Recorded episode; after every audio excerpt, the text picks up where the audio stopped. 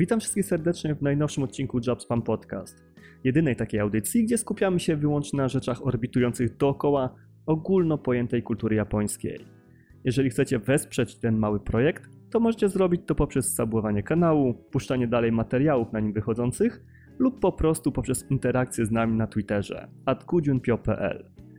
Jeżeli trafiliście tutaj z innego miejsca niż YouTube, to zapraszam Was serdecznie do odwiedzania youtube.com ukośnik gdzie pojawiają się wszystkie materiały, jakie tworzę.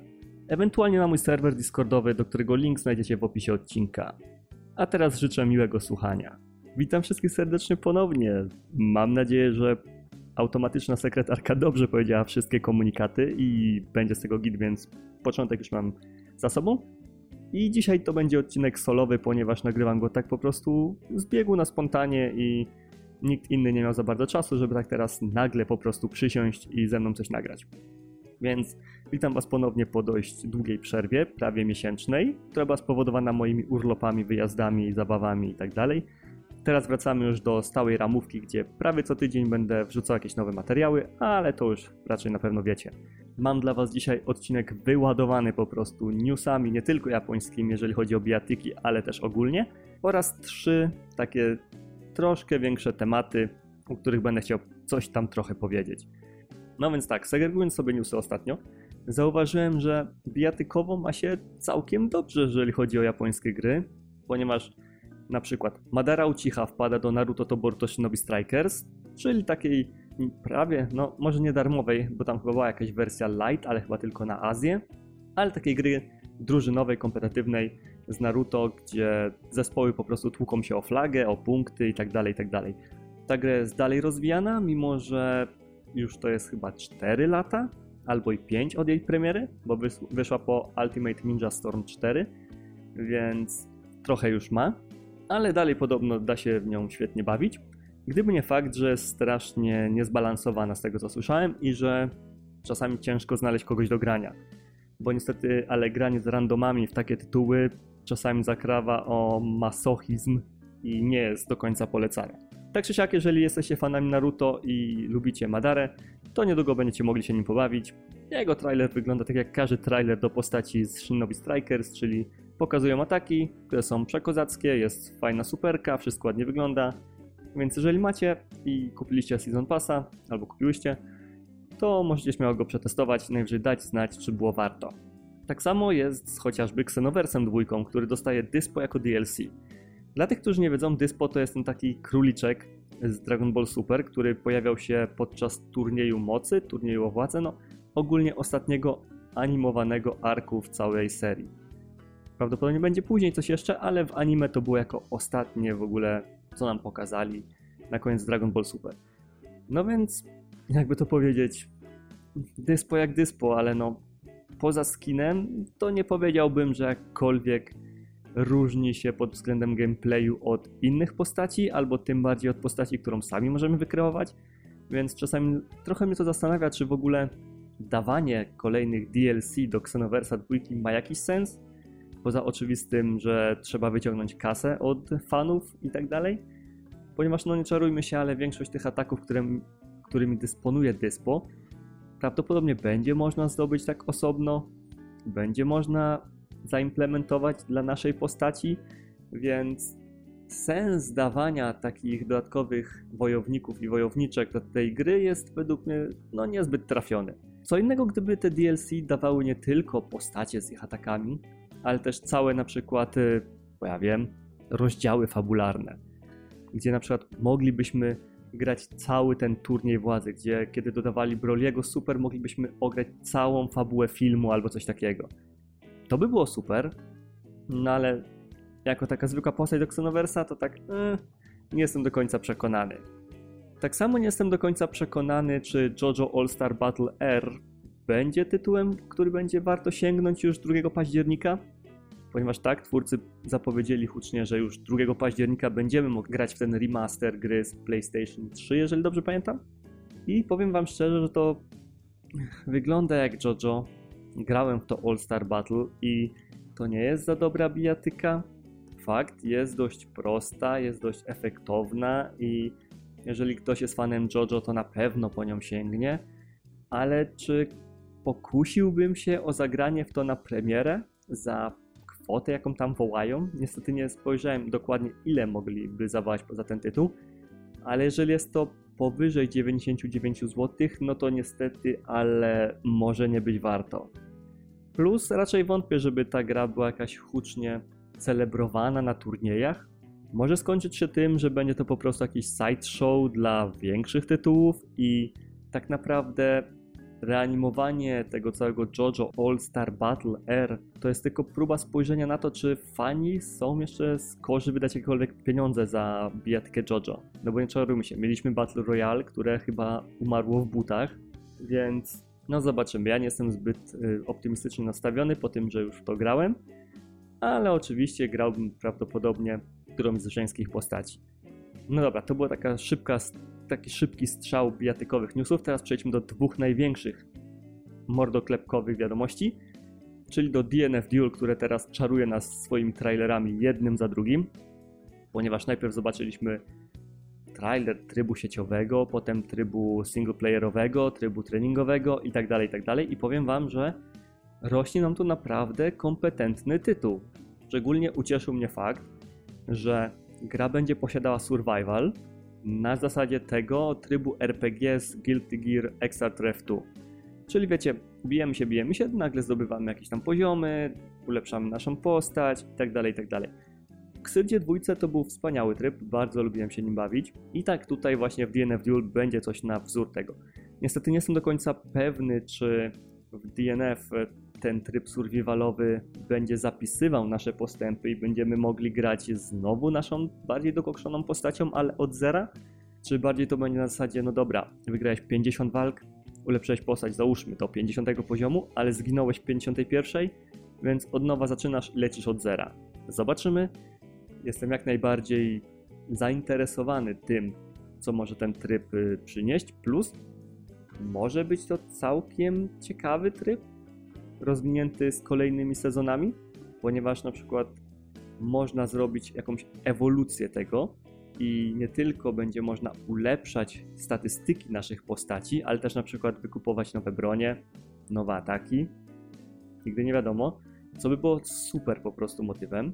Był właśnie też zwiastun trybu fabularnego, ale tutaj, no, jakby to powiedzieć, Arxis nie pokazał za dużo, ponieważ było coś na styl manchwy, action manchwy, nie wiem jak to się tam poprawnie na to mówi, gdzie no taka typowa manga, tylko że kolorowa, z ruchomymi w miarę obrazkami i z głosami postaci, które czytają po prostu dane kwestie.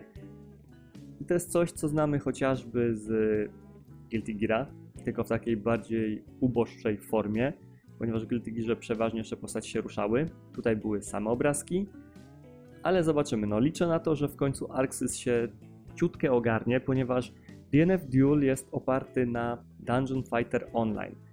Gra dostępna na Steamie do tej pory, ileś tam ludzi w to gra, więc zawsze znajdzie kogoś do zabawy. Ale tak czy siak, Dungeon Fighter Online jest tytułem Massive Multiplayer Beat'em Up, Side Scroller, jako, jakoś tak, jakieś dziwne takie połączenie Side Scrollera, Beat'em Upa i tak dalej. I po części liczyłem, że tryb fabularny w DNF Duel będzie właśnie czymś takim. Będą te znane motywy Arxis, gdzie będzie nam przekazywana historia przy pomocy na przykład właśnie obrazków, jakichś tam filmików i tak dalej, ale że dostaniemy cały ten tryb gameplayowy, taki jak jest właśnie w DNF Online. I no niestety do tej pory tego nie pokazali, ale liczę, że to właśnie będzie takie zaskoczenie, że hej, dobra, pokazywaliśmy wam tylko jak wyglądają cutscenki, a tu macie gameplay i że Będziemy mieli właśnie takie sprite'owe chodzenie w lewo lub w prawo, nawalanie przeciwników, levelowanie postaci, zmienianie broni, szukanie ekwipunku, kraftowanie, rajdy, nie rajdy itd., tak itd. Tak to by było po prostu mega wspaniałe. No ale od zapowiedzi DNF-a do premiery DNF-a już tak naprawdę za dużo czasu nie mieli, więc jeżeli nie pracowali nad tym za długo, no to niestety wątpię, żebyśmy coś takiego dostali. Chociaż nie powiem, jakby dali nawet coś takiego jak w Grand Blue Fantasy Versus, czyli taką dość mocno okrojoną wersję brawlera side-scrollowego, to i tak byłbym bardzo zadowolony. Ponieważ, no nie czarujmy się, ale w Grand Blue to był dobry tryb. To miało sens, dawało zabawę i nie było tylko 3 albo 4 godzinnym anime, które się oglądało i się czekało na sam koniec, bo się tak naprawdę nic więcej nie robiło. Co nie oznacza, że oczywiście ten tryb oglądania anime w Guilty Gearach był zły. Był mega spoko, ale to jest bardziej dla ludzi, którzy chcą płynąć lore, niż cieszyć się z trybu fabularnego, bo technicznie jeżeli nie lubicie tego, co historia świata i historia Guilty Geara miała dla, do was, dla was do zaoferowania, to równie dobrze mogliście całkowicie olać tryb fabularny i nawet go nie odpalać. Albo włączyć go na YouTube jako second screen i siedzieć w trybie treningowym. Co do trybu treningowego, DNF oferuje całkiem spoko ten tryb, ponieważ pozwala na typowe ćwiczenie kombosków, na ustawianie różnych opcji naszego manekina, którego będziemy obijać i tak dalej, i tak dalej, więc jest całkiem spoko. Jest nawet chyba frame data, z tego co widziałem, ale mogę się mylić, bo mogą się ubzdurać z czymś innym, więc zawsze będziemy wiedzieć, czy jesteśmy na plusie, czy nie. I tak technicznie premiera tego tytułu wypada za miesiąc, znaczy miesiąc od momentu, kiedy nagrywam ten odcinek, a kiedy on wyjdzie, to może być już trochę krócej. I mam zamiar łyknąć go na premierę, więc postaram się jakoś w miarę blisko premiery zrobić jakiś materiał o tym, żebyście wiedzieli, czy naprawdę było warto sięgnąć po ten tytuł. Mam cichą nadzieję, że mimo wszystko Arxis wprowadzi coś na zasadzie sezonów do trybu online i że tryb online, który jeszcze nie dostał swojego zwiastunu, będzie jednak trochę bardziej przemyślany niż ten z Guilty Geara i poprzedniego Xyrda i z Grand Blue bo ile Grand Blue i Strive się ratowały tym, że można z treningu jeszcze wejść w matchmaking, tak e, Xyr 2 chyba nie miał tej opcji i trzeba było latać po serwerach, dochodzić do automatów i tam wybierać sobie przeciwnika. Ta opcja oczywiście też jest w Strive, ale no tam o dziwo można jeszcze coś zrobić z treningu, więc chociaż tyle. No ale Strive ma taki trochę dziki trening, więc... Eh. Tak czy siak DNF Duel czekam niezmiernie, będę grał strikerem, strikerką tak naprawdę i zobaczymy co z tego wyjdzie. A skoro już mówimy o Guilty Gear Strive, warto też powiedzieć o tym, że gra doczeka się pierwszego poważnego balance patcha i co najważniejsze i co najfajniejsze dla fanów biatyk, betę trybu crossplay, a dokładniej no, możliwości grania po różnych platformach razem. No więc tak, balance patch oczywiście dosięgnie praktycznie wszystkich postaci, Teraz każdy krzyczy do każdego, że haha, jego postać stała się low tierem, a druga postać stała się high tierem itd., tak itd. Tak Ogólnie to wszystko zrewiduje czas, ponieważ jak historia uczy i bawi, nawet najbardziej low tierowe postacie mogą wygrywać całe prestiżowe turnieje. I pamiętamy, co się stało z Hakanem, Hakanem w Street Fighterze 4. Więc to, że ktoś mówi, że twoja postać jest teraz low tierem, wcale nie oznacza, że jest zła po prostu może mieć delikatne utrudnienia z powodu tego, że narzędzia danej postaci zostały delikatnie podreperowane. Chwilowo nie przejmujcie się zbytnio balance patchem, wasze postacie dalej będą viable. Najważniejsze jest właśnie beta crossplayu. Dzięki temu w końcu pececiarze nie będą wysłani na oślą łączkę, gdzie będą zmuszeni do grania tylko ze sobą na jakichś tam wymierających serwerach albo coś takiego, ale w końcu będą mogli zagrać z całą resztą community, gdzie nie czarujmy się, ale w bijatykach, jeżeli to nie jest tytuł ekskluzywny tylko na PC i ewentualnie jeszcze na Switcha, to prawie wszyscy siedzą na konsolach Sony. Turnieje online najczęściej były stawiane na konsolach Sony. Wielokrotnie widziałem różne takie zapowiedzi turniej. Nawet w Łodzi był turniej, gdzie było po prostu wprost powiedziane, że każdy może przynieść swój kontroler, byle działał z konsolą PlayStation 4, ewentualnie PlayStation 5. Tak jest łatwiej, niż ustawiać nie wiadomo ile stoisk z komputerami, skoro można postawić jedną konsolę, jeden telewizor, dwie osoby wciskają swoje pady, zero instalowania sterowników, zero zastanawiania się, czy przypadkiem karta graficzna nie jest za słaba albo coś w tym stylu. Tak czy siak, beta crossplayu będzie już niebawem. Mam nadzieję, że wypali, że dzięki temu dostaniemy pełną wersję tego do naszych gier, ponieważ crossplay to powinien być standard w dzisiejszych czasach. Każda bijatyka powinna mieć crossplay i cross save żeby nie było tak, że gramy na konsoli, wyjeżdżamy na grę w delegacji, odpalamy grę na, nie wiem, PC, na lapku czy gdzieś i musimy ciurać od nowa od najniższej rangi i w ogóle, a jeszcze kupić grę, to już tam pomniejsze, bo można kupić za grosze pewnie na PC. Więc tak, z biatykowych newsów to wszystko. Teraz przejdziemy do oczywiście zwykłych newsów, których też mam sporo. Ale z tego co widzę, uporałem się dość szybko z biatykowymi, więc może odcinek jednak nie będzie super długi. No jedziemy. Cygames Trademark Akiba Made Wars. Czasami się zastanawiam, po co ja piszę takie w ogóle notatki. Dobrze, że pamiętam o co chodzi. Tak czy siak, jeżeli dobrze pamiętacie z mojej recenzji Akiba Strip, Cygames po jakimś czasie stwierdziło, że hej, nabijanie się z otaku było strzałem w dziesiątkę, więc wydajmy kolejną grę. Tym samym wydali Akiba's Beat, gdzie nabijają się z J-popowej idolki i ogólnie całego takiego całej gałęzi rozrywki, jeżeli chodzi o muzykę i tak dalej, i tak dalej, ale mi się wszystko plącze. Miesiąc przerwy to jednak jest za długo. No, a teraz postanowili wydać kolejną część, która nazywa się Made Wars i jeżeli dobrze kojarzę fakty, będzie się nabijała z tych wszystkich Made Cafe i ogólnie cosplayerek znowu i cosplayerów. Więc może być ciekawe, no bo nie czarujmy się, ale Akiba Strip było dziwne, mocno nastawione na otaku, ale miało to samo, co chociażby Senran Kagura. Czyli bardzo fajny gameplay. Ogólnie bardzo fajnie się w to grało, bardzo fajnie wypaczało to całą kulturę japońską, całą kulturę właśnie otaku i tak dalej. Więc mam nadzieję, że Made Wars będzie również czymś takim. Ponieważ brakuje nam takich gier, które na luzie podchodzą właśnie do całej kultury japońskiej. Tak samo jak brakowało mi chociażby Monster Hunter Rise.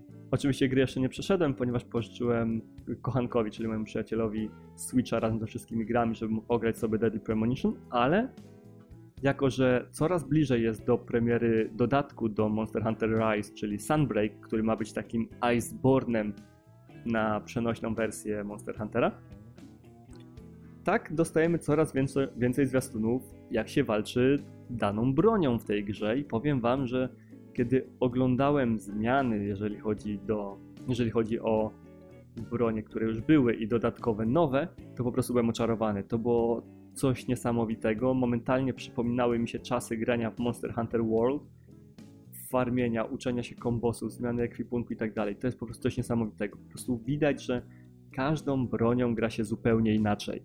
Każdy styl rozgrywki został zapełniony po brzegi i każdy znajdzie tutaj coś dla siebie, więc jeżeli nie widzieliście tych zwiastunów, polecam. Jeżeli jesteście po prostu najarani na ten dodatek, nie oglądajcie tych zwiastunów, wyczajcie to sobie sami już wewnątrz gry i wtedy po prostu zobaczycie, jak miodnie Capcom potrafi zrobić grę, jeżeli tylko ma na to ochotę.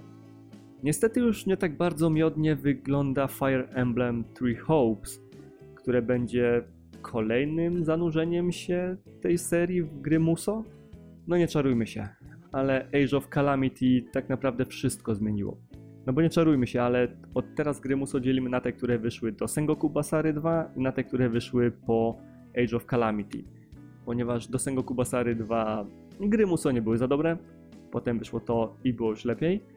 No i potem pojawiło się Age of Calamity, które wszystko zmieniło i no, jeżeli ktoś wyda teraz Muso, które nie będzie na takim poziomie jakościowym jak Age of Calamity, to powinien się zastanawiać, czy w ogóle chce wydawać takie gry, ponieważ ludzie zasmakowali czymś dobrym i łatwo się do tego przyzwyczaili. A niestety Three Hopes nie pokazuje tego, jakby to miało być jakiś nowa rewolucja, nie tylko jeżeli chodzi o gry Fire Emblem, w sensie Muso, ale też o cały gatunek. Gameplayowo prawdopodobnie będzie miodnie, chociaż według mnie bliżej temu do Hyrule Warriors tego pierwszego z Wii U niż do tego, co było w Age of Calamity. Dalej tłuczemy po prostu nieskończone pokłady przeciwników itd., tak itd., tak z postaciami oczywiście z Three Houses. No ale tak to nie za bardzo porywa. Graficznie jest spoko, efektownie, efektywnie. Mam małą obawę, że to nie będzie gra, której, którą warto będzie kupić za pełną kwotę w dniu premiery. To, co miało już jednak swoją premierę i fani gier rytmicznych posiadających PC się ucieszą prawdopodobnie, to Hatsune Miku, która wleciała właśnie na PC na wersji Steamowej, więc jeżeli ktoś lubi tą japońską gwiazdkę popu, wirtualną idolkę, to śmiało może próbować. Gra sama w sobie jest mega spoko. Nie oczekujcie, że będzie tam jakoś dużo znanych dla Was piosenek, jeżeli nie śledzicie kariery Hatsune Miku i tej całej ekipy od niej, ponieważ nie traficie tam żadnej metaliki. To nie jest Taiko Tatsujin, gdzie biorą po prostu dużo znanych piosenek i przerabiają je na bębny. Tutaj są przeważnie piosenki stworzone przez Hatsune Miku, dla Hatsune Miku, przez jej ekipę i tak dalej Gameplayowo jest mega spoko. Dalej opiera się to tylko przeważnie na wciskaniu guzików w konkretnym momencie. Co się dzieje w tle jest naprawdę przyjemne dla oka, potrafi wywołać epilepsję i nie przeszkadza. Gra potrafi być wymagająca na wyższych poziomach trudności, ale dla casualowego gracza też się znajdzie odpowiedni tryb, więc jeżeli brakuje Wam gier muzycznych, to śmiało możecie sprawić Hatsune Miku, wleciała na Steama i nie musicie się przejmować, że będzie jakoś zabugowana. To jest oczywiście jakaś wersja już ulepszona, ponieważ to jest Project Diva Megamix Plus, czyli nie dość, że to jest Project Diva, który był rozwinięty, który został jeszcze zmiksowany i jeszcze wydany na PC, więc powiem tak, będzie ponad 170 piosenek, 400 kostiumów, dwa style wizualne, możliwość tworzenia playlist, streamowania i 72 dodatkowe piosenki jako DLC. Więc jest sporo, jest naprawdę sporo. To jest coś jak wydanie wersji goty jakiejś gry na kolejną platformę. Coś jakby wam wydali God of ze wszystkim DLC, jak, jakby jakieś były. Więc warto. Cena standardowo prawdopodobnie 49 baksów, ale to już od was zależy, czy będziecie chcieli się w to zanurzyć. Ostatnie trzy newsy, jakie dla was mam, dotyczą oczywiście też dwóch gier i jednej mangi, która była dla mnie zaskoczeniem. Więc zacznijmy sobie powoli i na szybko. Czyli MiHoYo, twórcy chociażby Genshin Impact albo Honkai Impact, stwierdzili, że wydadzą sobie po prostu nową grę na pecety oraz tablety. W odróżnieniu od Genshina i Honkai'a, gdzie Genshin to było taki open world, oczywiście trochę zeldowaty, i gdzie Honkai był takim slasherem, oczywiście gaczowatym, Honkai Star Rail będzie po prostu JRPG-iem, co mnie bardzo mile zaskoczyło ponieważ wygląda oczywiście jak, Hon jak Genshin i Honkai, więc na plus. I będzie to JRPG oldschoolowym tego słowa znaczeniu. Będziemy wybierać ataki po kolei, będziemy przemierzać otwarte lokacje, robić różne sidequesty, questy. Wszystko wygląda naprawdę fajnie, szczególnie, że pokazali też nową postać o nazwie Serval, która walczy przy pomocy gitary elektrycznej, więc hej, czego tu nie lubić? technicznie miała pojawić się już 24 maja w wersji Open Beta, Closed Beta. Więc jeżeli ktoś się załapał, to po prostu dajcie znać, czy warto w ogóle. Bo o ile na trailerach wygląda to mega spoko, jako taki zapychacz tabletowy zamiast Genshina, gdzie ludzie po prostu po 50 kont zakładają, bo nie chce im się farmić wszystkich postaci na jednym, Mam cichą nadzieję jednak, że ta gra pojawi się nie tylko na PC i Androidzie, ale też w końcu wyjdzie na Switcha, ponieważ Honkai, Genshin i to, to byłby idealny zestaw, który podbiłby nie tylko sprzedaż Switchy, ale na pewno też zarobki tej firmy. Drugim takim tytułem newsowym, drugim takim tytułem growym, o którym chcę powiedzieć, jest wyczekiwane przeze mnie Soul Hackers 2, które otrzymało również nowy zwiastun, który po prostu wygląda przecudownie. Jeżeli graliście w SMT5, to już wiecie czego można się spodziewać. Atlus po dość dziwnym podejściu do Persony 5 stwierdził, że wyda oldschoolowo trudną grę w postaci SMT5, a potem jak zobaczył, że ten styl się bardzo dobrze sprzedaje, to po prostu ożywił Soul Hackers i wydaje dwójkę i ja czekam, wy też powinniście, jeżeli lubicie oldschoolowe, wymagające JRPG. Gra pojawi się oczywiście nie na Switcha, ponieważ nie wiadomo czemu, gdzie normalnie mogłoby ruszyć. Na pewno ma być chyba na PC, z tego co pamiętam, a na stówkę trafi do Playki 4, Playki 5, więc jest dość spore pole zasięgu, żeby każdy mógł to ograć. A takim newsem niegrowym, który mnie dość mocno zaskoczył, jest fakt, że autor Hunter x Hunter stwierdził, że wydaje nowe rozdziały mangi po wielu latach zawieszenia po prostu stwierdził, że wydaje nowe rozdziały mangi. To jest coś niesamowitego, ponieważ Hunter x Hunter to jest jedno, jeden z najlepszych shounenów, jaki powstał. Nowa seria anime jest przeze mnie uznawana za najlepszego shounena wszechczasów.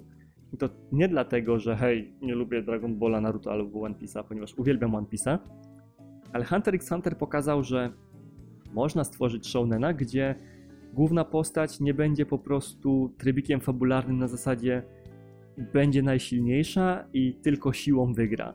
W Hunter x Hunter większość walk jest rozgrywana tak, żeby wykorzystać słabości przeciwnika przez o wiele, wiele słabszych bohaterów. Co najbardziej po prostu pokazuje ostatni ark, który jest najlepszym, jeżeli chodzi o shouneny. Ark z mrówkami to jest po prostu mistrzostwo świata, jeżeli chodzi o pacing, o historię, o postacie, o podejście, o wszystko. Szczerze Wam polecam. Tych chapterów ma być tyle, że mają się zmieścić w jeden nowy tomik, czyli prawdopodobnie z 10, coś koło tego. I mam nadzieję, że to oznacza po prostu rozwijanie dalej tej marki przez twórcę, aż dociągnie do takiego solidnego końca. Nie czytałem mangi, teraz się oczywiście za nią wezmę, bo po prostu skoro wydaję nowe rozdziały, a nie wydadzą raczej, raczej nowego anime, to muszę to wszystko nadrobić. Tym samym zamykamy kącik newsowy i przechodzimy do pełnych tematów. Jeżeli chodzi o pełne tematy, to mam oczywiście tylko trzy. Jeden będzie krótki, drugi będzie moimi pierwszymi wrażeniami z gry, którą wybraliście dla mnie na socjalach, a trzeci będzie moim odniesieniem się do nowej oferty PlayStation Plus. No więc, zacznijmy od tego ostatniego. Jak dobrze wiecie, już niedługo PlayStation Plus przechodzi swoją metamorfozę. Już nie będzie to typowe typu płać 240 zł rocznie, graj online, dostajesz zniżki i masz gry, heja banana. Tylko teraz cała ta oferta abonamentowa będzie podzielona na trzy tiery. Będzie taki typowo podstawowy, gdzie płacimy standardowe 240 zł, gdzie według mnie to powinni obniżyć solidnie do 169 rocznie, ale w tym najniższym tierze będziemy mogli dalej dostawać te 3-4 gry miesięcznie, plus grać online, mieć dostęp do zapisów w chmurze i do takich ekskluzywnych zniżek. Drugi tier będzie obejmował to samo co pierwszy, plus dostaniemy dostęp do czegoś na wzór Game Passa dla Sony, gdzie będziemy mogli ogrywać dobre 300 tytułów za darmo, czy nie za darmo, po prostu w abonamencie, co jest super. Niestety nie wiem, czy będą dodawane nowe gry do tego tiera, czy to będzie na zasadzie jak z PlayStation Plus Collection, gdzie po prostu wrzucili gry i heja banana to jest wszystko, nic więcej z tym nie zrobimy. To się okaże. Tutaj będzie chyba o stówkę drożej, albo o dwie stówki drożej. No i będzie też oczywiście ten Almighty Tier dla najbogatszych, ale nie czarujmy się, tak wszyscy wiemy, że prawie każdy będzie się zrzucał w 5 albo 6 osób na to wszystko i każdy będzie grał na swojej konsoli z jednego konta. W tym największym tierze będą nie tylko wszystkie oferty z poprzednich, ale będzie jeszcze więcej gier, będą darmowe dema każdego tytułu, więc będzie można obadać przez 2-3 godziny jak się w co gra. Plus będzie można streamować i grać w gry we wstecznej kompatybilności. Wiecie, coś co powinno być z defaultu, oni zamykają za paywallem za niemałą kasę. Fakt, ogrywanie Dino Crisis 1, 2, 3, 1, 2 tak naprawdę na konsoli PlayStation 5 to jest rarytas, ale czy to jest rarytas, za który powinniśmy płacić aż 500 prawie rocznie? No nie do końca jestem przekonany. Więc tutaj radzę się Wam mocno zastanowić, czy jednak warto ładować się w ten ostatni tier. Co ciekawe, były takie plotki, że jeżeli kupiło się plusa rocznego, załóżmy na promocji, to nie dość, że przewalutowanie go na wyższy tier będzie ograniczał się nie tylko do zapłacenia różnicy między podstawowym, zwykłym plusem a wyższym tierem, to jeszcze trzeba będzie opłacić różnicę w tym, co kupiliśmy taniej. To były plotki. To był błąd. Stało się tak tylko w Japonii, że ci, co kupili taniej, musieli jeszcze więcej dopłacić. Sony to już poprawiło, zwróciło im hajs, więc nie przejmujcie się. Od teraz będziecie musieli dopłacić po prostu różnicę w cenie i to wszystko. Ja oczywiście będę się szarpał na drugi poziom tego abonamentu, ponieważ jest tam aż 13 gier, które chciałbym ograć. I powiem Wam szczerze, że, że jeżeli jesteście fanami japońszczyzny, to musicie szarpnąć drugi poziom tego, tego abonamentu. I to może zabrzmieć głupio, ale uwierzcie mi, to się Wam zwróci. Szczególnie jeżeli nie ogrywacie gier na premierę albo stwierdzacie, że poczekacie na gry, aż będą w solidnej promocji. Poza takimi bangersami jak chociażby Ghost of Tsushima, Returnal, Demon Souls itd., tak dostaniecie naprawdę wiele innych solidnych japońskich gier. Już oczywiście też pomijam te wszystkie Final Fantasy, Monster Hunter i tak dalej. Najważniejszym punktem tej oferty i takim najjaśniejszym jest to, że dostaniemy Yokai Watch 4 Plus, czyli rozwiniętą wersję gry Yokai Watch, która normalnie nie jest wydana u nas na storze ani w ogóle pudełkowo. Więc będziecie mogli ograć ją tylko jeżeli kupicie ten najnowszy tier. Ja wiem, że powiedzenie, że no to teraz płaćcie 400 zł rocznie, żeby ograć Yokai Watch to jest takie lekkie naciągnięcie, ale nawet sprowadzenie Yokai Watch będzie was kosztowało załóżmy z dwie stówy, a tu poza dwoma, na, na, tu poza oczywiście zapłaceniem tych dwóch stów, znajdziecie naprawdę o wiele, wiele więcej gier. No bo nie czarujmy się. Za te cztery stówki już odpalam listę i wam mówię. Dostaniecie chociażby właśnie Dead Stranding w wersji Director's Cut, Demon Souls, Ghost of Tsushima, Mortal Kombat Element, mało japońska, ale biatyka, więc trzeba powiedzieć. Miles Morales też, e, Returnal, ok. Bloodborne, Final Fantasy XV, Ghost of Tsushima Director's Cut, Gravity Rush 1 i 2 w wersji zremasterowanej, Loco Roco 1-2 w wersji remasterowanej, Ultimate Ninja Storm, Patapony, Soul Calibury, Castlevania Lords of Shadows, Devil May Cry, Asura's Wrath, gdzie dopadnięcie Asura's Wrath to jest po prostu coś niesamowitego.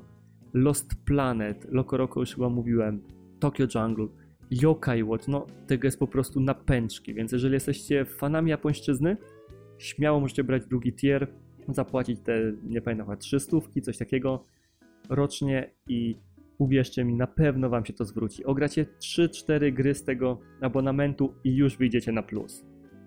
Więc totalnie wam to polecam. Drugim takim w miarę dość krótkim tematem, który będę chciał poruszyć, chociaż tak naprawdę zaraz wyjdzie, że to będzie super krótki odcinek super szybkich piguł, więc hej, może nie będzie tak źle. No więc kolejnym tematem, który chciałbym poruszyć jest temat From Software, które stwierdziło, że dalej ma w planach tworzenie nowych gier, które będą rewolucyjne. I tak trochę zacząłem się nad tym zastanawiać, ponieważ co to oznacza dla nich rewolucyjnych? No nie czarujmy się, ale Elden Ring było ich opus magnum jak do tej pory. Teraz wiemy, że chcą ruszyć serię Armored Core, więc no co mogą zrobić w Armored Core? Nie mogą tam dać open worlda, bo to by po prostu nie wypaliło. Armored Core zawsze to był militarny mech warrior, gdzie mieliśmy dość sporą dowolność przy tworzeniu naszego mecha Gandama, naszej, naszej zbroi, którą sterowaliśmy. Więc tutaj za bardzo nie da się coś ulepszyć, chyba żeby wprowadzili po prostu jakiś tryb budowania bazy, tryb przejmowania kraju na wzór Sengoku Basary lub coś takiego. Więc tak zacząłem się jeszcze trochę zastanawiać, no, co by mogli dalej zrobić.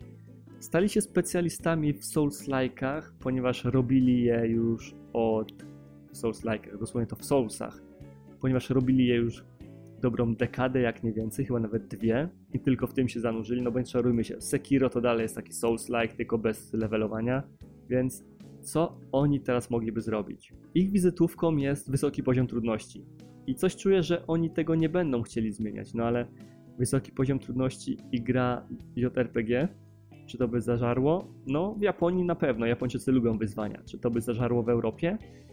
No, mogło być nie do końca. U nas dalej JRPG są, nie chcę powiedzieć niszowe, ale po prostu z bardziej ograniczonym gronem odbiorców, więc tutaj będą musieli się dość mocno napocić, żeby po prostu coś wyczarować fajnego.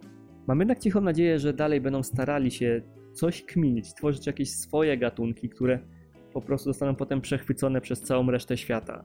Miyazaki ma dar do tworzenia gier i powiem wam szczerze, że z miłą chęcią zobaczyłbym jakiś tytuł survival horrorowy od nich.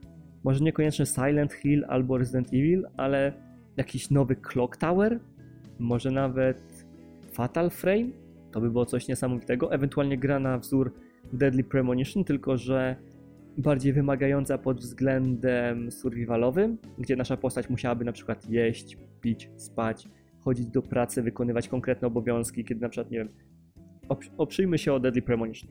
Gdybyśmy na przykład grali w ich grze o jakiegoś detektywa, to nie dość, że musielibyśmy się pojawiać na posterunku, musielibyśmy prowadzić dochodzenie, musielibyśmy jeździć, zdobywać sami jakieś wskazówki, nie byłoby żadnych znaczników, wszystko musieliśmy by wyciągać z rozmowy. To by było naprawdę super.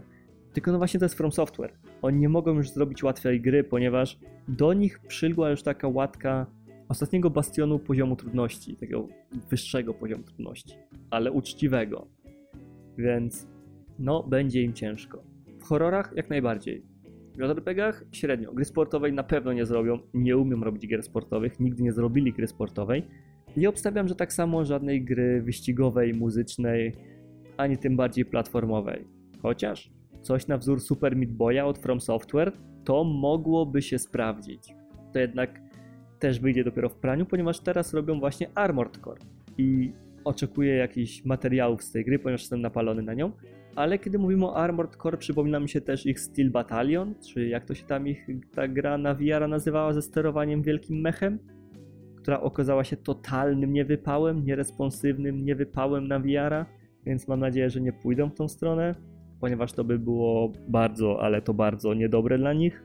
Może coś na wzór Ex Machina to by mogło zażreć, no bo Soulsowego Ring Fita też raczej się nie spodziewam.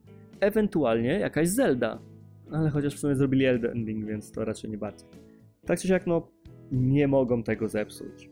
To na pewno musi być i wymagające, i rozbudowane, i zaspokoić oczekiwania graczy, ponieważ na szczyt wejść bardzo łatwo, ale jeszcze łatwiej można z niego spaść. No i bardzo łatwo się kopie oczywiście lidera, jak to się mówi.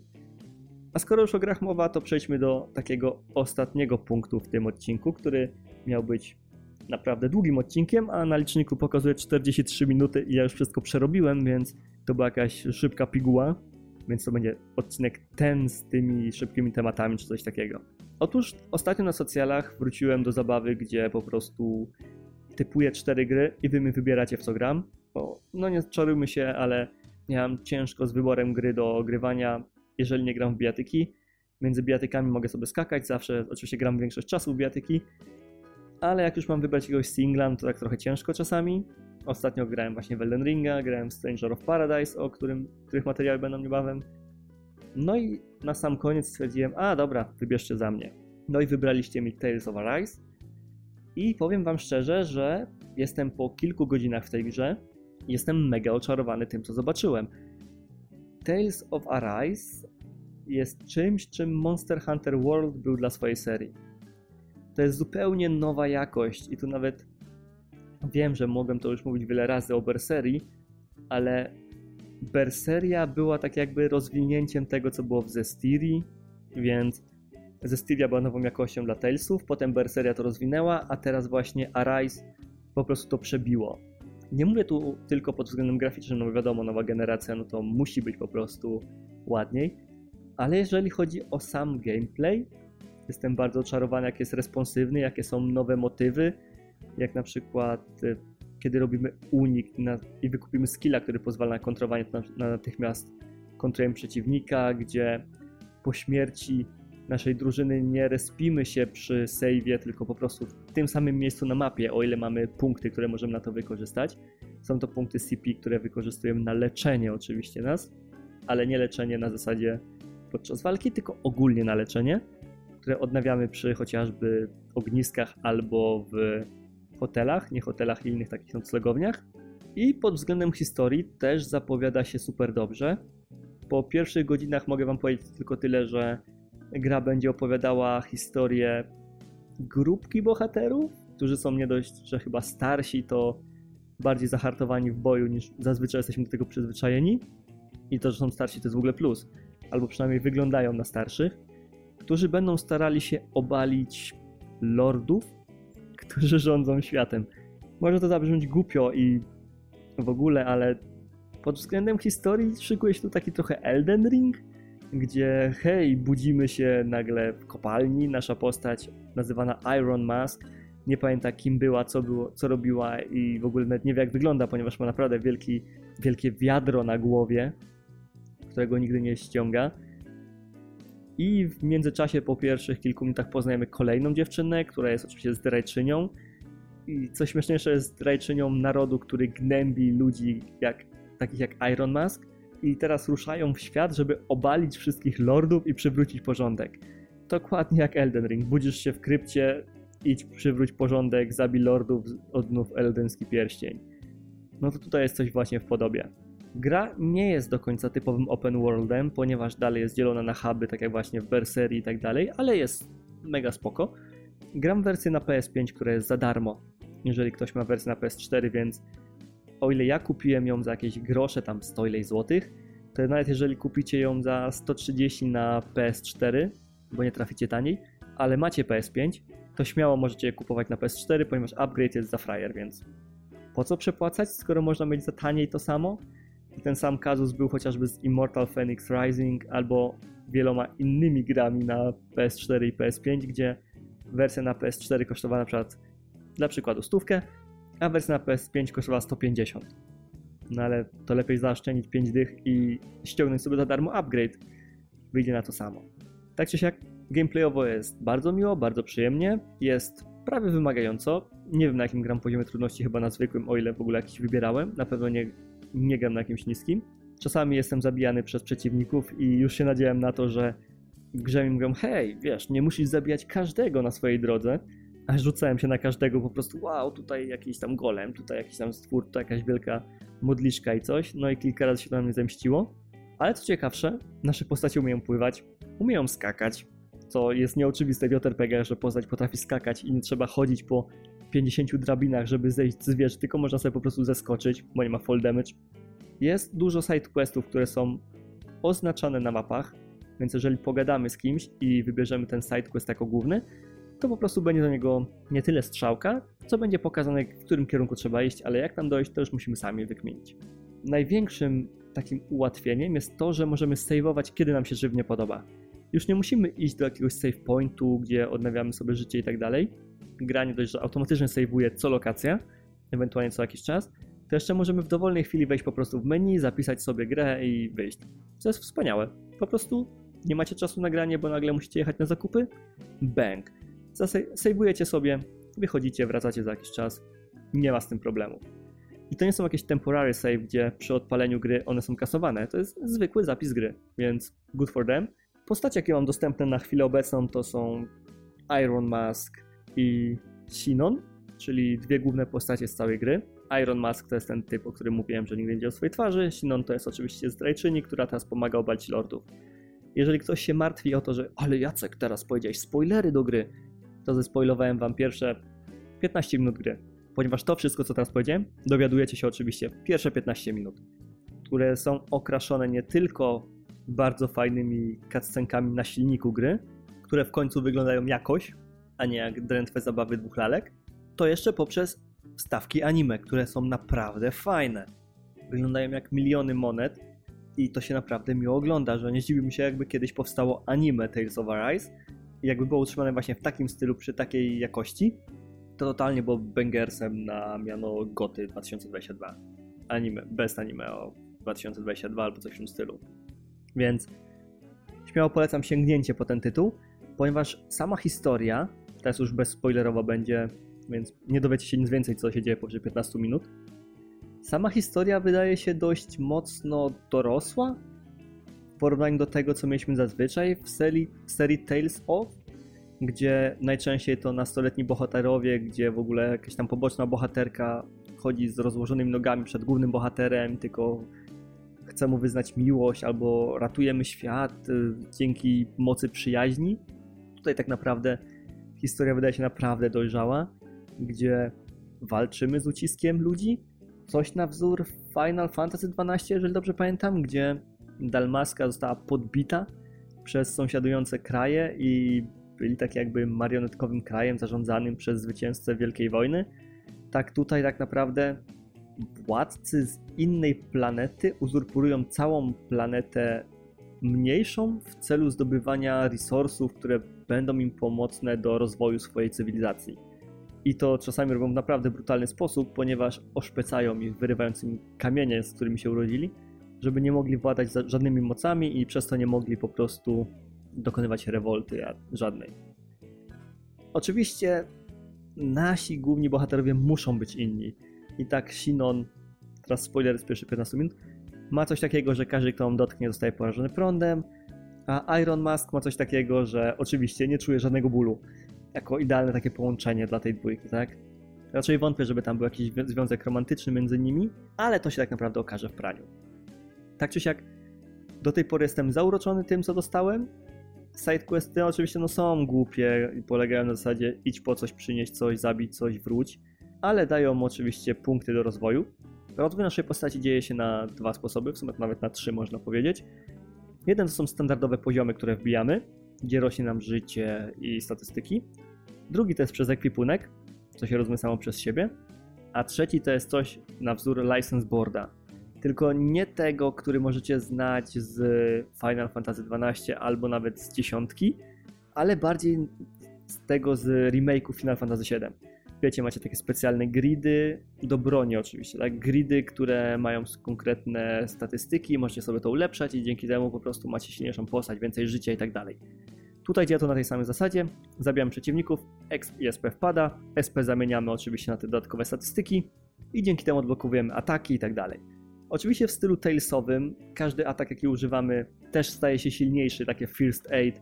Na początku na przykład leczy za ledwo co, potem za ledwo co trochę więcej, a potem jednak już za ledwo co jeszcze troszkę więcej. Można go dzięki temu szybciej kastować, mniej kosztuje i tak dalej. I każdy, każdy taki czar, skill i tak dalej ma 5 gwiazdek, więc jest ok. Niestety jest y, gameplayowo, o ile jest bardzo spoko, to jest trochę mniej tego do wyboru, ponieważ możemy trzy skille wybrać, pod, y, które możemy wykonywać, kombić tak naprawdę ze zwykłym atakiem i trzy, które możemy kombić, jeżeli chodzi o atak z powietrza i to jest wszystko, jak do tej pory odkryłem, więc trochę mało, ponieważ chociażby w Tales of Xillia mogliśmy zrobić z tego 8 albo i 16 takich ataków do kombienia, więc tutaj no niestety poszli o jeden krok w tył, ale na spokojnie wam wystarczy to. Z dwóch dostępnych postaci każdą gra się trochę inaczej, oczywiście co się rozumie samo przez się, ponieważ jedna walczy mieczem, czyli Iron Mask, a druga wielkim gnatem, czyli Sinon ale nie polega to tylko na prostym klepaniu dwóch guzików i wygrywaniu. Naprawdę gra tu się nimi inaczej. I Shinnon jest oczywiście też taką typową healerką, więc trzeba mieć to, na uwadze, że trzeba leczyć w ogóle naszych y, członków drużyny. Chyba, że nie chcemy się w to bawić, no to wtedy odpalamy tryb auto na wszystkich postaciach, ustawiamy im strategię jak w Final Fantasy XII albo w poprzednich Talesach i oni sami po prostu mucą wszystko jak leci. Więc na chwilę obecną jestem bardzo mocno zauroczony tym wszystkim. Spędzę prawdopodobnie cały dzień jeszcze grając w to i następne tygodnie. I recenzja pojawi się całkiem niedawno. Znaczy, pojawi się całkiem szybko. A tymczasem to już w sumie koniec. I to był tragiczny odcinek według mnie, gdzie wszystko mi się plątało, mieszało i było mi ciężko mówić, ale no tak się dzieje praktycznie po miesiącu przerwy i zrozumiem w pełni krytykę, że plątałem się jest to ciężkie do przesłuchania. Wracamy już niebawem z kolejnym odcinkiem. Jeżeli uda mi się znaleźć kogoś do nagrywania, to będzie oczywiście gość a jeżeli nie, no to znowu usłyszymy się sam na sam. A tymczasem do następnego razu, cześć i teraz puszczam standardowe zakończenie jak z automatu na telefonie. Pa! Dziękujemy Wam serdecznie za wysłuchanie najnowszego odcinka Jobspam Podcast. Jedynej takiej audycji, gdzie skupiamy się wyłącznie na rzeczach orbitujących dookoła ogólno pojętej kultury japońskiej. Jeżeli chcecie wesprzeć ten mały projekt, to możecie zrobić to poprzez subowanie kanału, puszczanie dalej materiałów na nim wychodzących lub po prostu poprzez interakcję z nami na Twitterze at Jeżeli trafiliście tutaj z innego miejsca niż YouTube, to zapraszam Was serdecznie do odwiedzenia youtube.com ukośnik jobspam, gdzie pojawiają się wszystkie materiały, jakie są tworzone. Ewentualnie na mój serwer Discordowy, do którego link znajdziecie w opisie odcinka. Dziękujemy i do następnego razu. Cześć!